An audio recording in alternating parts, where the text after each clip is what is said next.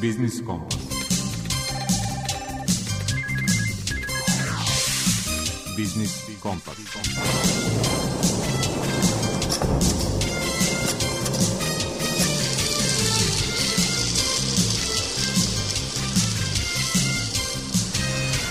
Pred mikrofonom je Đuro Vukelić. Dobar dan poštovani slušalci. Vreme je za Biznis Kompas i teme koje će, verujem, privući vašu pažnju i u narednih 50 minuta. Konkretno, tema rubrike Aktuelno je povećanje kamatnih stopa. Uzroke znamo, a o posledicama govori koleginica Branka Dragović-Savić. Gost autor rubrike iz mog ugla je generalni sekretar Udruženja naftnih kompanija Srbije Tomislav Mićović a tema snabdevenost tržišta naftnim derivatima u svetlu globalnih tržišnih poremećaja i državne kontrole nad cenama. U rubrici Svet preduzetništva predstavljamo grupu mladih inženjera okupljenih u startup kompaniji Bifrost Bioplastics iz Jagodine sa ciljem da plastične zamene proizvodima od industrijske konoplje.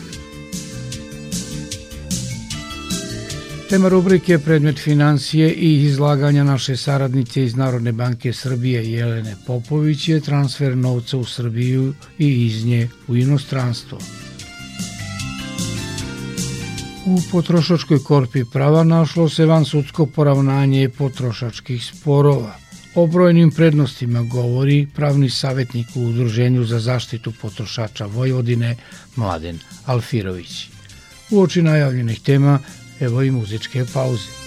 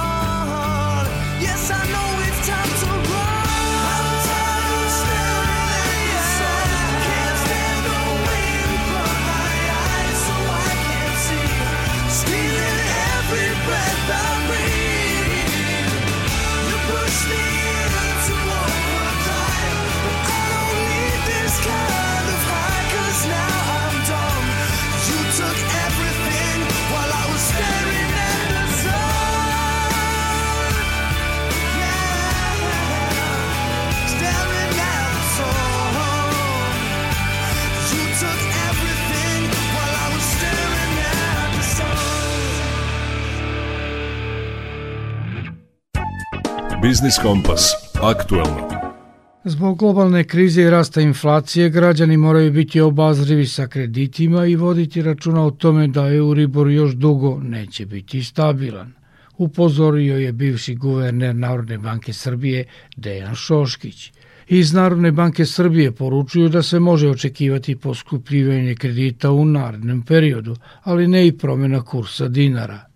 O tome koleginica Branka Dragović-Savić. Rast inflacije utiče i na poskupljenje zaduženja i u takvim uslovima uvek su bolja opcija oni krediti čija isplata traje kraće, savetuje ekonomista Dejan Šoškić. Ono što se dešava trenutno vezano za agresiju u Ukrajini, sankcije zapadnih zemalja utiču na to da proizvodi koji dolaze iz Rusije na tržišta tih zapadnih zemalja se uvoze znatno manje ili su prestali uvozi u potpunosti. To su i gas, i nafta, hrana, đubriva za poljoprivrednu proizvodnju. Sad su to jako bitne komponente u strukturi inflacije. I ta sada inflacija raste, reakcije su po pravilu takve da se podižu referentne kamatne stope. Sad sada kada je najavljeno od pre nekoliko dana da će Evropska centralna banka u narednom periodu ne samo prestati sa velikim štampanjem novca od 1. jula, već i podizati referentnu kamatnu stopu, onda se može očekivati da će ovaj Euribor postepeno se podizati i narednih meseci, možda nekoliko kvartala, pa možda i nekoliko godina, u zavisnosti od toga kakva će biti priroda ove inflacije koja se razvija u svetu, posebno u Evropi. Vladimir Vasić iz Udruženja banaka Srbije napominje da postoji razlika između banaka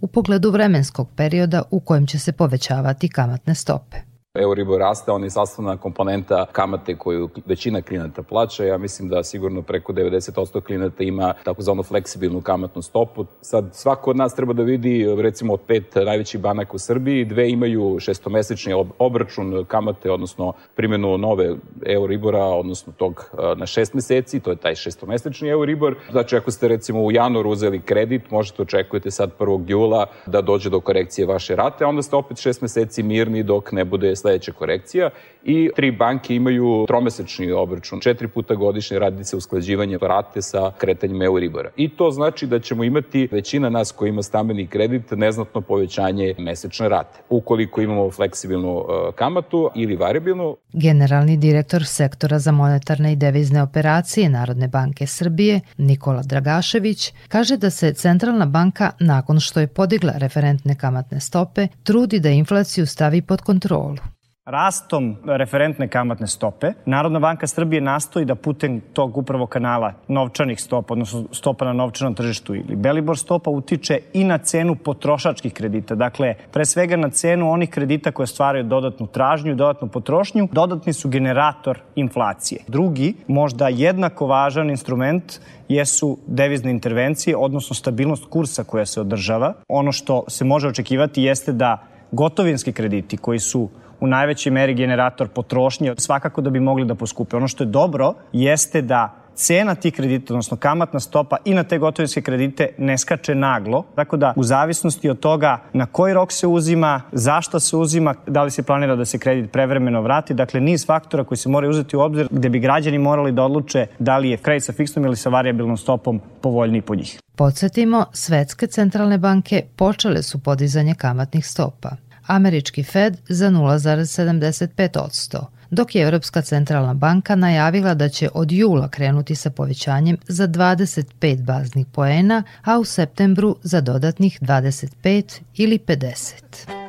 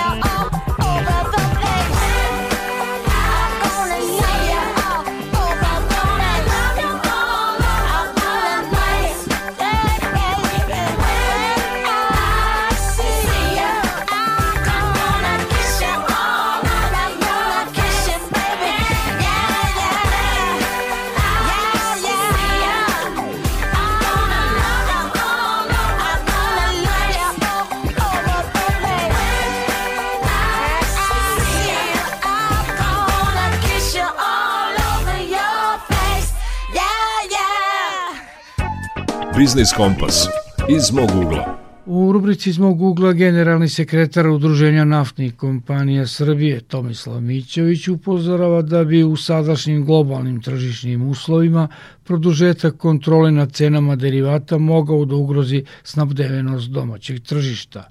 Posebno jer su, kako je rekao, pred nama dva meseca najveće potrošnje derivata, a uvoz je nikad manji. Došli smo do toga da je ključna stvar snabdevenost naftom i derivatima nafte. Mislim da što pre shvatimo da cene nisu toliko bitne koliko snabdevenost, koliko da goriva ima. Jer zapravo sve što se dešava na globalnom tržištu, na tržištu Evrope, tržištu našeg regiona, neminovno se preliva i na Srbiju. Znači, derivata nafte nema onoliko koliko bi kupci želeli da kupe, govorimo o velikim kupcima na rafinerijskom tržištu. Cene su od danas do sutra potpuno neizvesne. Niko ne zna po kojoj ceni će platiti velike kupovine koje recimo ugovori za isporuku za nedelju dana ili dve nedelje.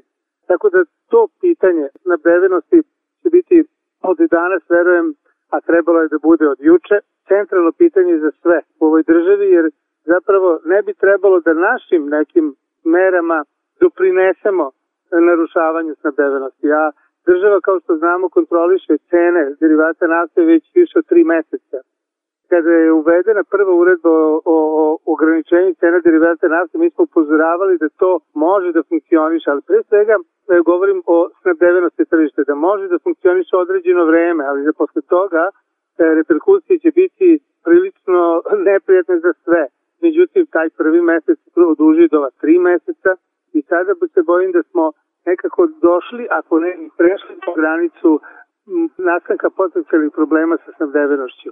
Cene goriva po kojima se gorivo prodaje u Srbiji u veleprodajnom tržištu tih kontrolisanim cenama je tako da vi ne možete ni jedan litar goriva uvesti bilo dakle, a da vam se to ne isplati, nego da ne budete u minusu, da ne budete u velikom minusu. Znači, mora da se vodi računa kada se određuju te maksimalne cene da budu takve da je moguće uvesti gorivo. Jer naftna industrija Srbije iz rafinerije svoje može da obezbedi recimo 80% tržišta, ali šta ćemo sa onih 20? Kada samo malo na tržištu goriva nedostaje, onda kreće jedna spirala koja zna da izazove mnogo neprijatnosti celom lancu distribucije goriva. To smo posetili marta ove godine kada je potpuno bez ikakvog razloga neko proneo vez da će goriva nestati kada je bez ikakve potrebe na, su ljudi navalili na benzinske stanice, nije bilo moguće sadati u potpunosti i to je izazivalo novu psihozu, međutim srećom sada smo izašli iz te psihoze za nekoliko dana. E sad ova psihoza se neće moći lečiti tako lako jer nemate odakle da povećate isporuke, nema, nema novih izvora sa većim količinama goriva. Tako da upozoravam, pred nama su dva meseca, juli i avgust, daleko veće potrošnje goriva nego svi ostali meseci u godini, a pred nama su meseci nikad manjeg uvoza. Tako da država mora vrlo brzo da odreaguje kako se ne bi osutilo ništa na benzinskim stanicama, verujte mi, bez obzira na cenu. Samo u zemljama u kojima države ne utiču na cenu, ne regulišu cenu, nego puštaju da se formira u skladu sa tržišnim kretanjima, one su velike, one su visoke, ali nemaju problema sa količinom goriva, nikakvog. Tako da treba dobro odmeriti. Svi u lancu distribucije imaju svoj problem, tako da kažem. Male benzinske stanice, uglavnom u ruralnim sredinama, koje su živele od e, snabdevanja gorivom u velikoj meri agrara, imaju nepremostiv problem već nekoliko meseci, zato što je država obavezala naftne industrije Srbije da agraru bez ograničenja prodaje gorivo po ceni od koje je u ovom trenutku 30 dinara niža od maksimalno dozvoljene cene. Znači, kompletno snabdevanje agrara se prenalo na benzinske stanice naftne industrije Srbije i da kažem, svi ostali u tim sredinama, svi ostale benzinske stanice imaju ozbiljan problem, tim pre što se to gorivo koje se prodaje za agrar već uveliko nalazi i u drugim sferama, znači preprodaje se i prosto male benzinske stanice u, tim sredinama ne mogu da dođu do prometa koji bi im obezbedio elementarno održavanje benzinske stanice. Kad se predstavimo korak dalje, onda dolazimo do ovih velikih lanaca snabdevanja, znači internacionalnih kompanija i domaća, ali i internacionalna kompanija, OMV, Lukoil, Leko, Hellenic, MOL, tako dalje. Oni imaju svoje probleme jer su oni imaju integrisan i uvoz i veleprodaju i maloprodaju ili proizvodnju što je naftna industrija Srbije. Znači, u, u tom lancu uvek e, je neki segment ima problem. Problem sa cenama, oni uspevaju nekako prelivajući, da kažem, iz šupljeg u prazno, da prolazi kroz ovo vreme, ali pitanje je samo optimizacije gubitaka, kako oni vole to da kažu. Znači, ne da li će biti dobit ili ne, nego koliko će izgubiti u ovom periodu. Nije jednostavno, verujte mi. Koliko god potrošačima, naravno, ovo je sve preskupo za potrošače, ali najmanje od toga, da kažem, zarađuju kompaniju lancu distribucije, jer je najveća posledica skoka cena zapravo skok cene sirove nafte, dakle sad taj novac odlazi ili ogroman deo novca odlazi zapravo na kraj tamo lanca ili na početak lanca kod proizvođača sirove nafte. Znači, danas kotacije dizela recimo su preko 1300 dolara po toni, govorimo o međunarodnim berzama i kotacijama kao referentnim cenama. 1300 dolara po toni. Ko kažem da se samo pre nekoliko godina sasvim normalno trgovalo dizelom po cenama od 600, 800, 900 dolara po toni. Pogledajte kakva je to razlika, ogromna razlika koja se naravno preliva opet tamo negde kod proizvođača, proizvođača i velikih tradera na, na Mediteranu. Tako da e, nije pred nama svetla budućnost, tako da kažem što se tiče cena, zaista, ali to, to ja se bojim da treba polako da se privikavamo svi da cene energenata se više nikad neće vratiti na onaj nivo koji je bio pre pandemije, odnosno nivo koji je bio pre ove ukrajinske krize.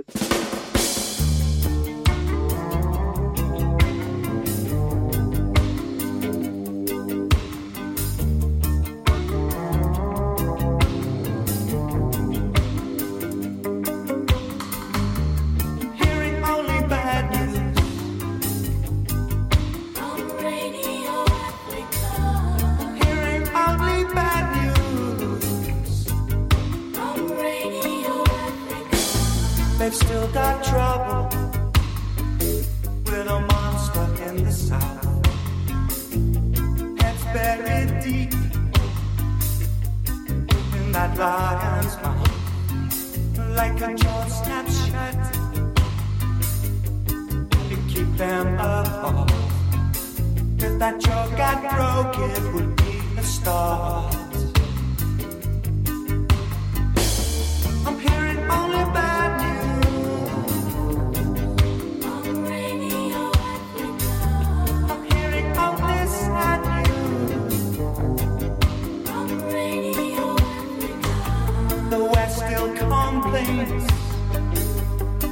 About the foreign aid. They do better to change the terms of the trade. There's more tanks than food in the Argentine. It looks like Moscow got it wrong again.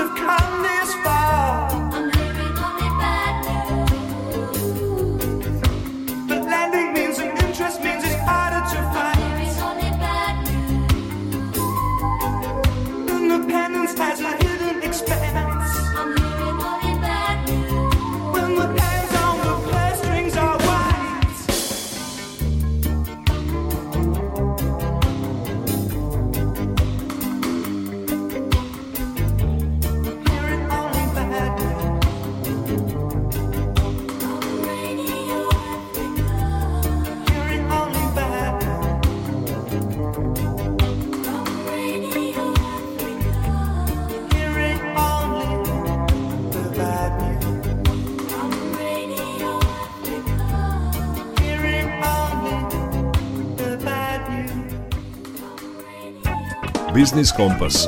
Svet preduzetništva.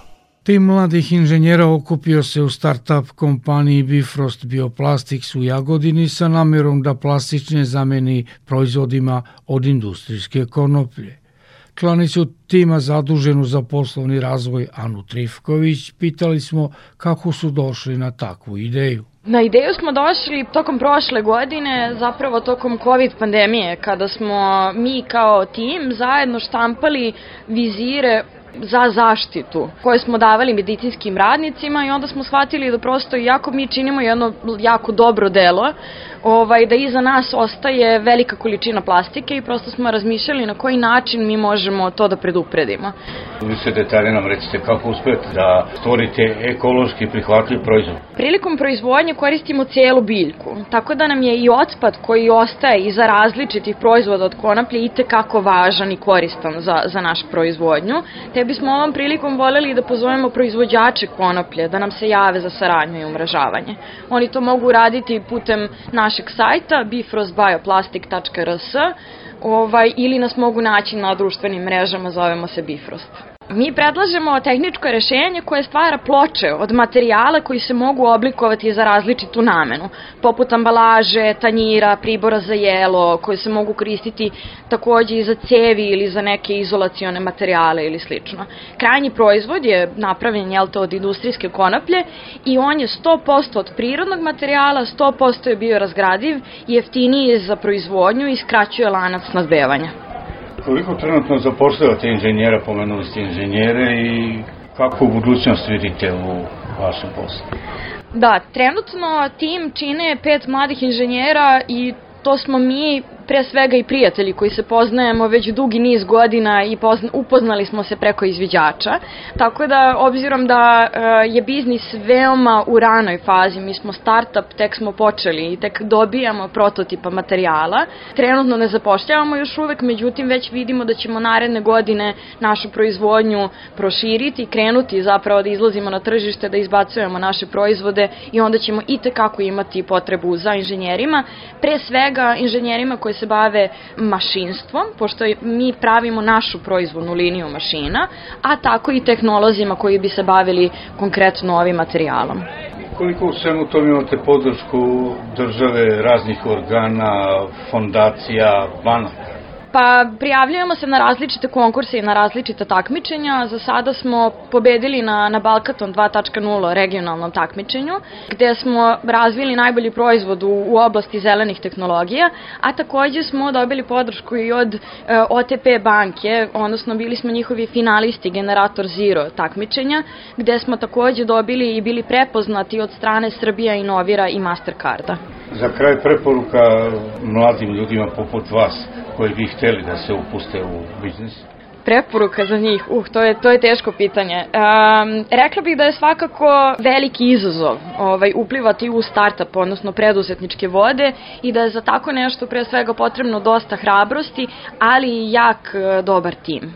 Mi smo jedan multidisciplinaran tim, ali pre svega tim prijatelja koji se zna od ranije uh, i nekako smo spojili i našu ljubav prema prirodi, ali i naša tehnička i biznis znanja i ovaj zajedno odlučili da, da rešimo jedan veliki problem. Hvala za razgovor. Hvala vama.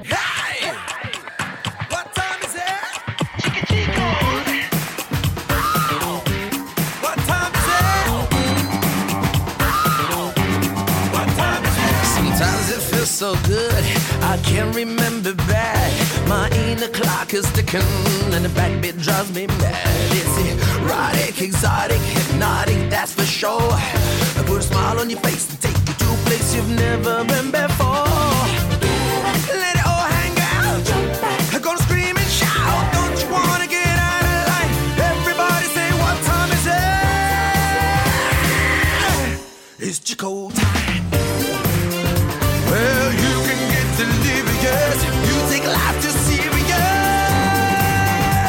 It's Chico time.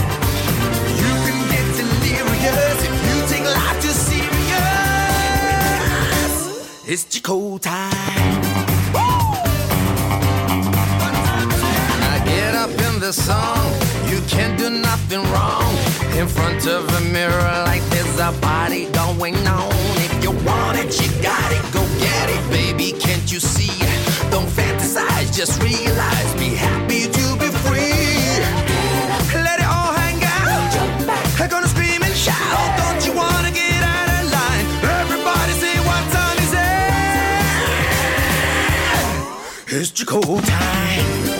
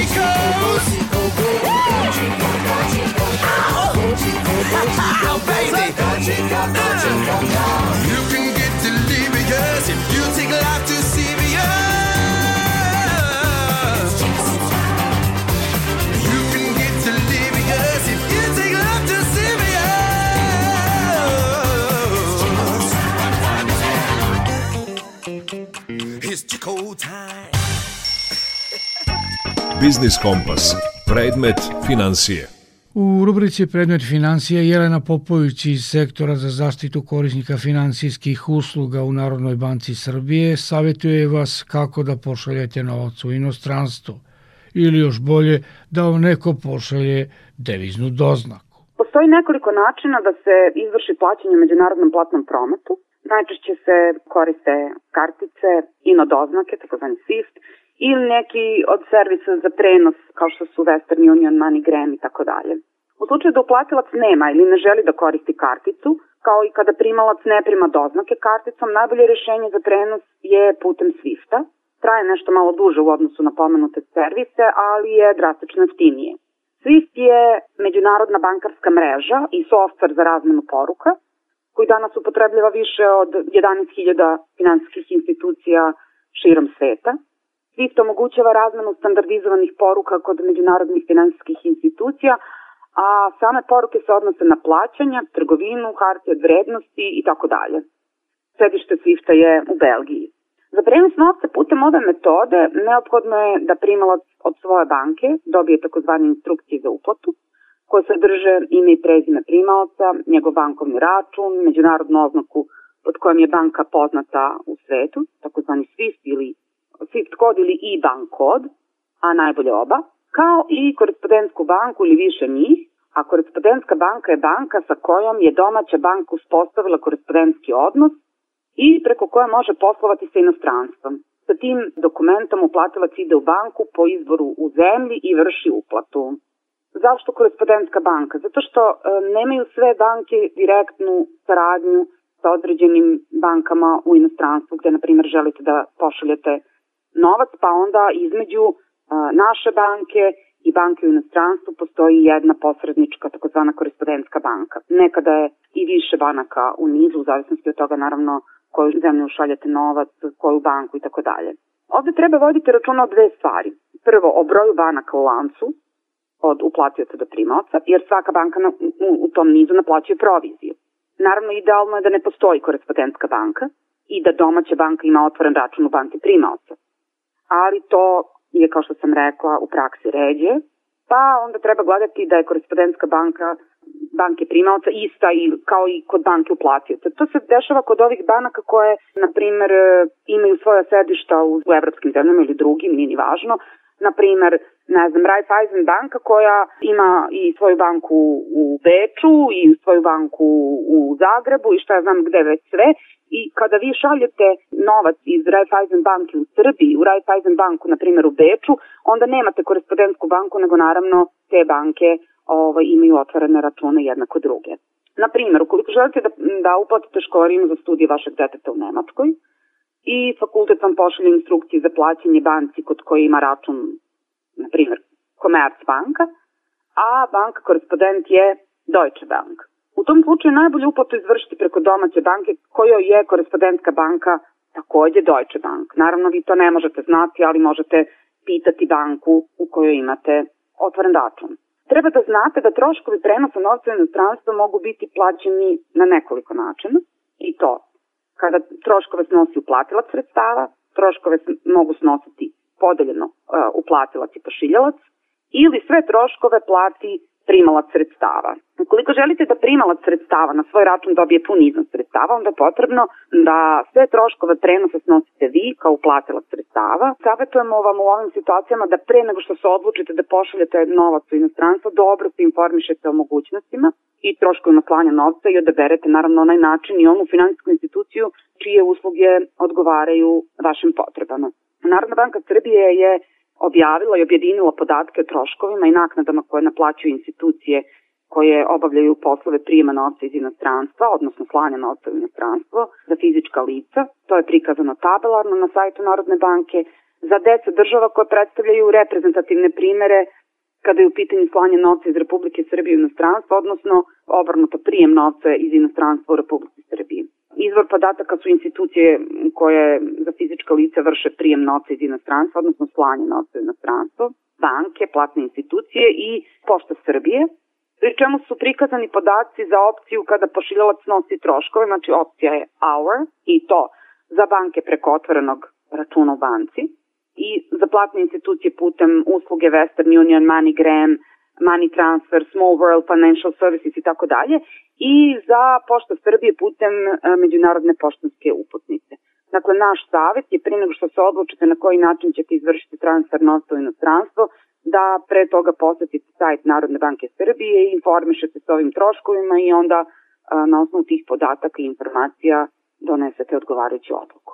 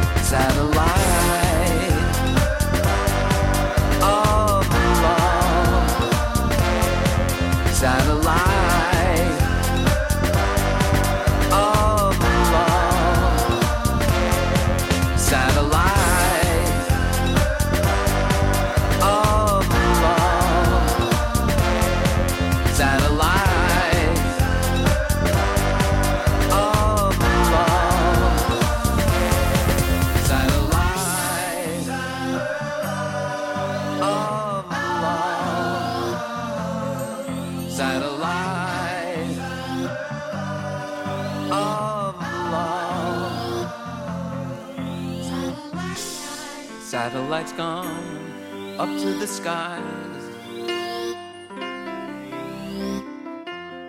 Things like that drive me out of my mind.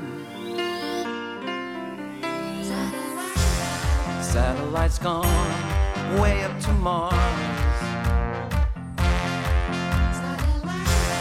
Soon it'll be filled with parking cars. Satellites.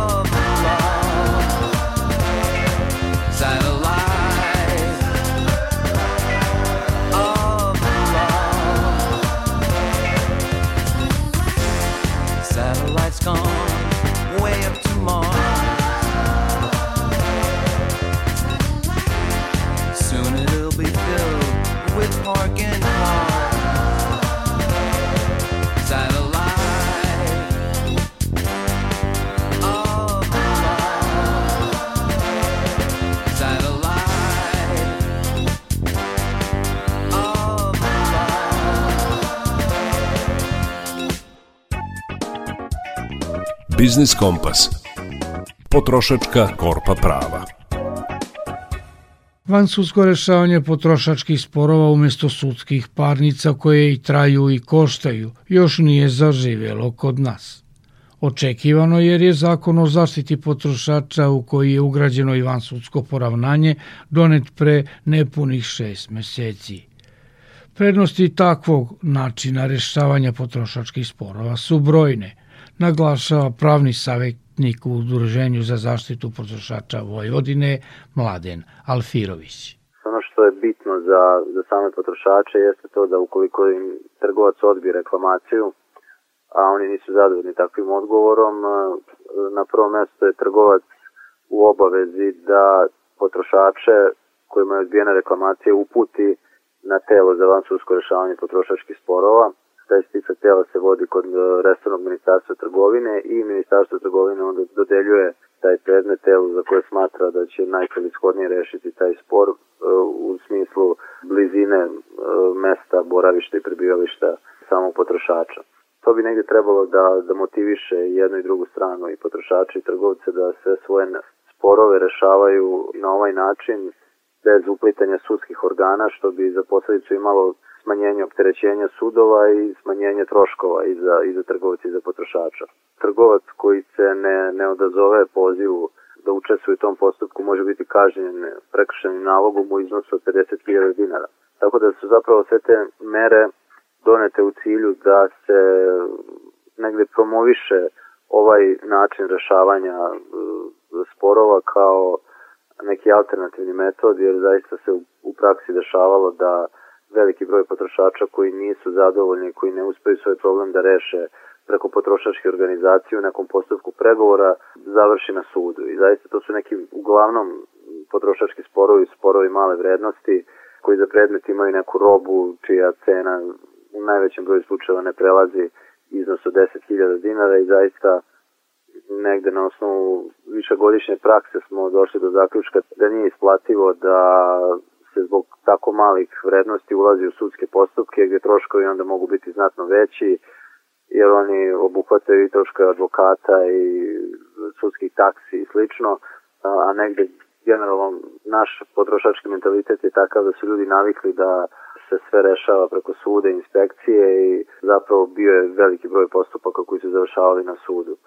Trend je i u Europskoj uniji, u razvijenim zemljama i razvijenim tržištima da samo izuzetno i mali broj slučajeva u ovoj vrsti postupaka bi trebalo da se rešava putem suda, a ovi alternativni načini kao što su pregovaranje i van sudsko rešavanje sporova su decenijima već e, prisutni i potrošači dobro reaguju na to i najveći broj zapravo nesuglasica se na ovaj način i reši. Ono što je takođe bitno za potrošače jeste da su ta tela i ti mehanizmi u zakonu zaštite potrošača definisani kao takvi gde je obaveza da u tom postupku učestvuju diplomirani pravnici koji imaju iskustva generalno i kad je u pitanju potrošačko pravo, ali i druge neke grane prava, jer zapravo ono što kupujemo na tržištu, kvalitet robe, usluge i sve ostalo se reguliše brojnim zakonima, tako da bi taj medijator, arbitar koji se bavi rešavanjem trebalo vrlo dobro da poznaje i zakon o bezbednosti hrane i zakone o telekomunikacijama i generalno sve druge oblasti u kojima se ti sporovi najčešće pojavljuju. A prema nekoj našoj statistici koju mi imamo, najveći broj sporova upravo nastaje kad je u pitanju roba, dakle odbijene reklamacije na, na robu, zatim tu su neke komunalne usluge, i usluge mobilnih operatora, telekomunikacijne usluge. Ovo je takođe bitno zato što javna preduzeća nekako su prilično nedostupna i izuzetno je teško komunicirati i rešavati sporove koji nastaju kao posledica nezadovoljstva potrošača zbog e, računa za električnu energiju, zbog e, računa za vodu, gas i ostalih komunalnih usluga i pored tih komisija za reklamacije koje već funkcionišu od 2014. godine.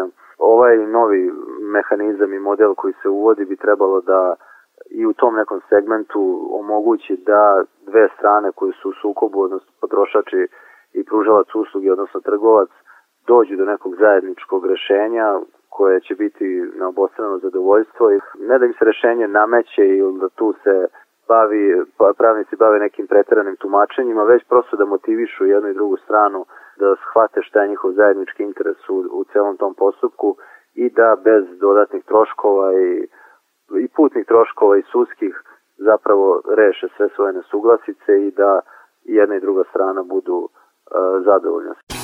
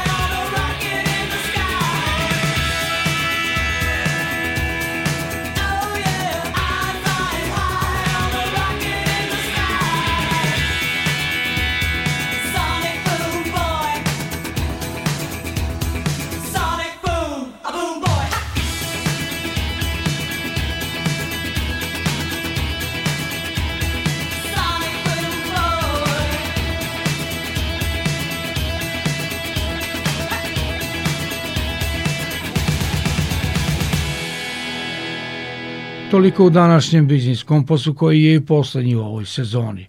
Do nove zimske šeme i novih izdanja biznis kompasa lepo se odmorite i zajedno dočekajmo srećnija ekonomska vremena. Današnju emisiju realizovali su muzički urednik Zoran Gajinov, ton majstor Damijan Šaš i urednik emisije Đuro Vukjerić. Slušajte nas i na internet stranici Radio Televizije Vojvodine podcastu Odloženo slušanje. Zdravi bili i Čuvajte se.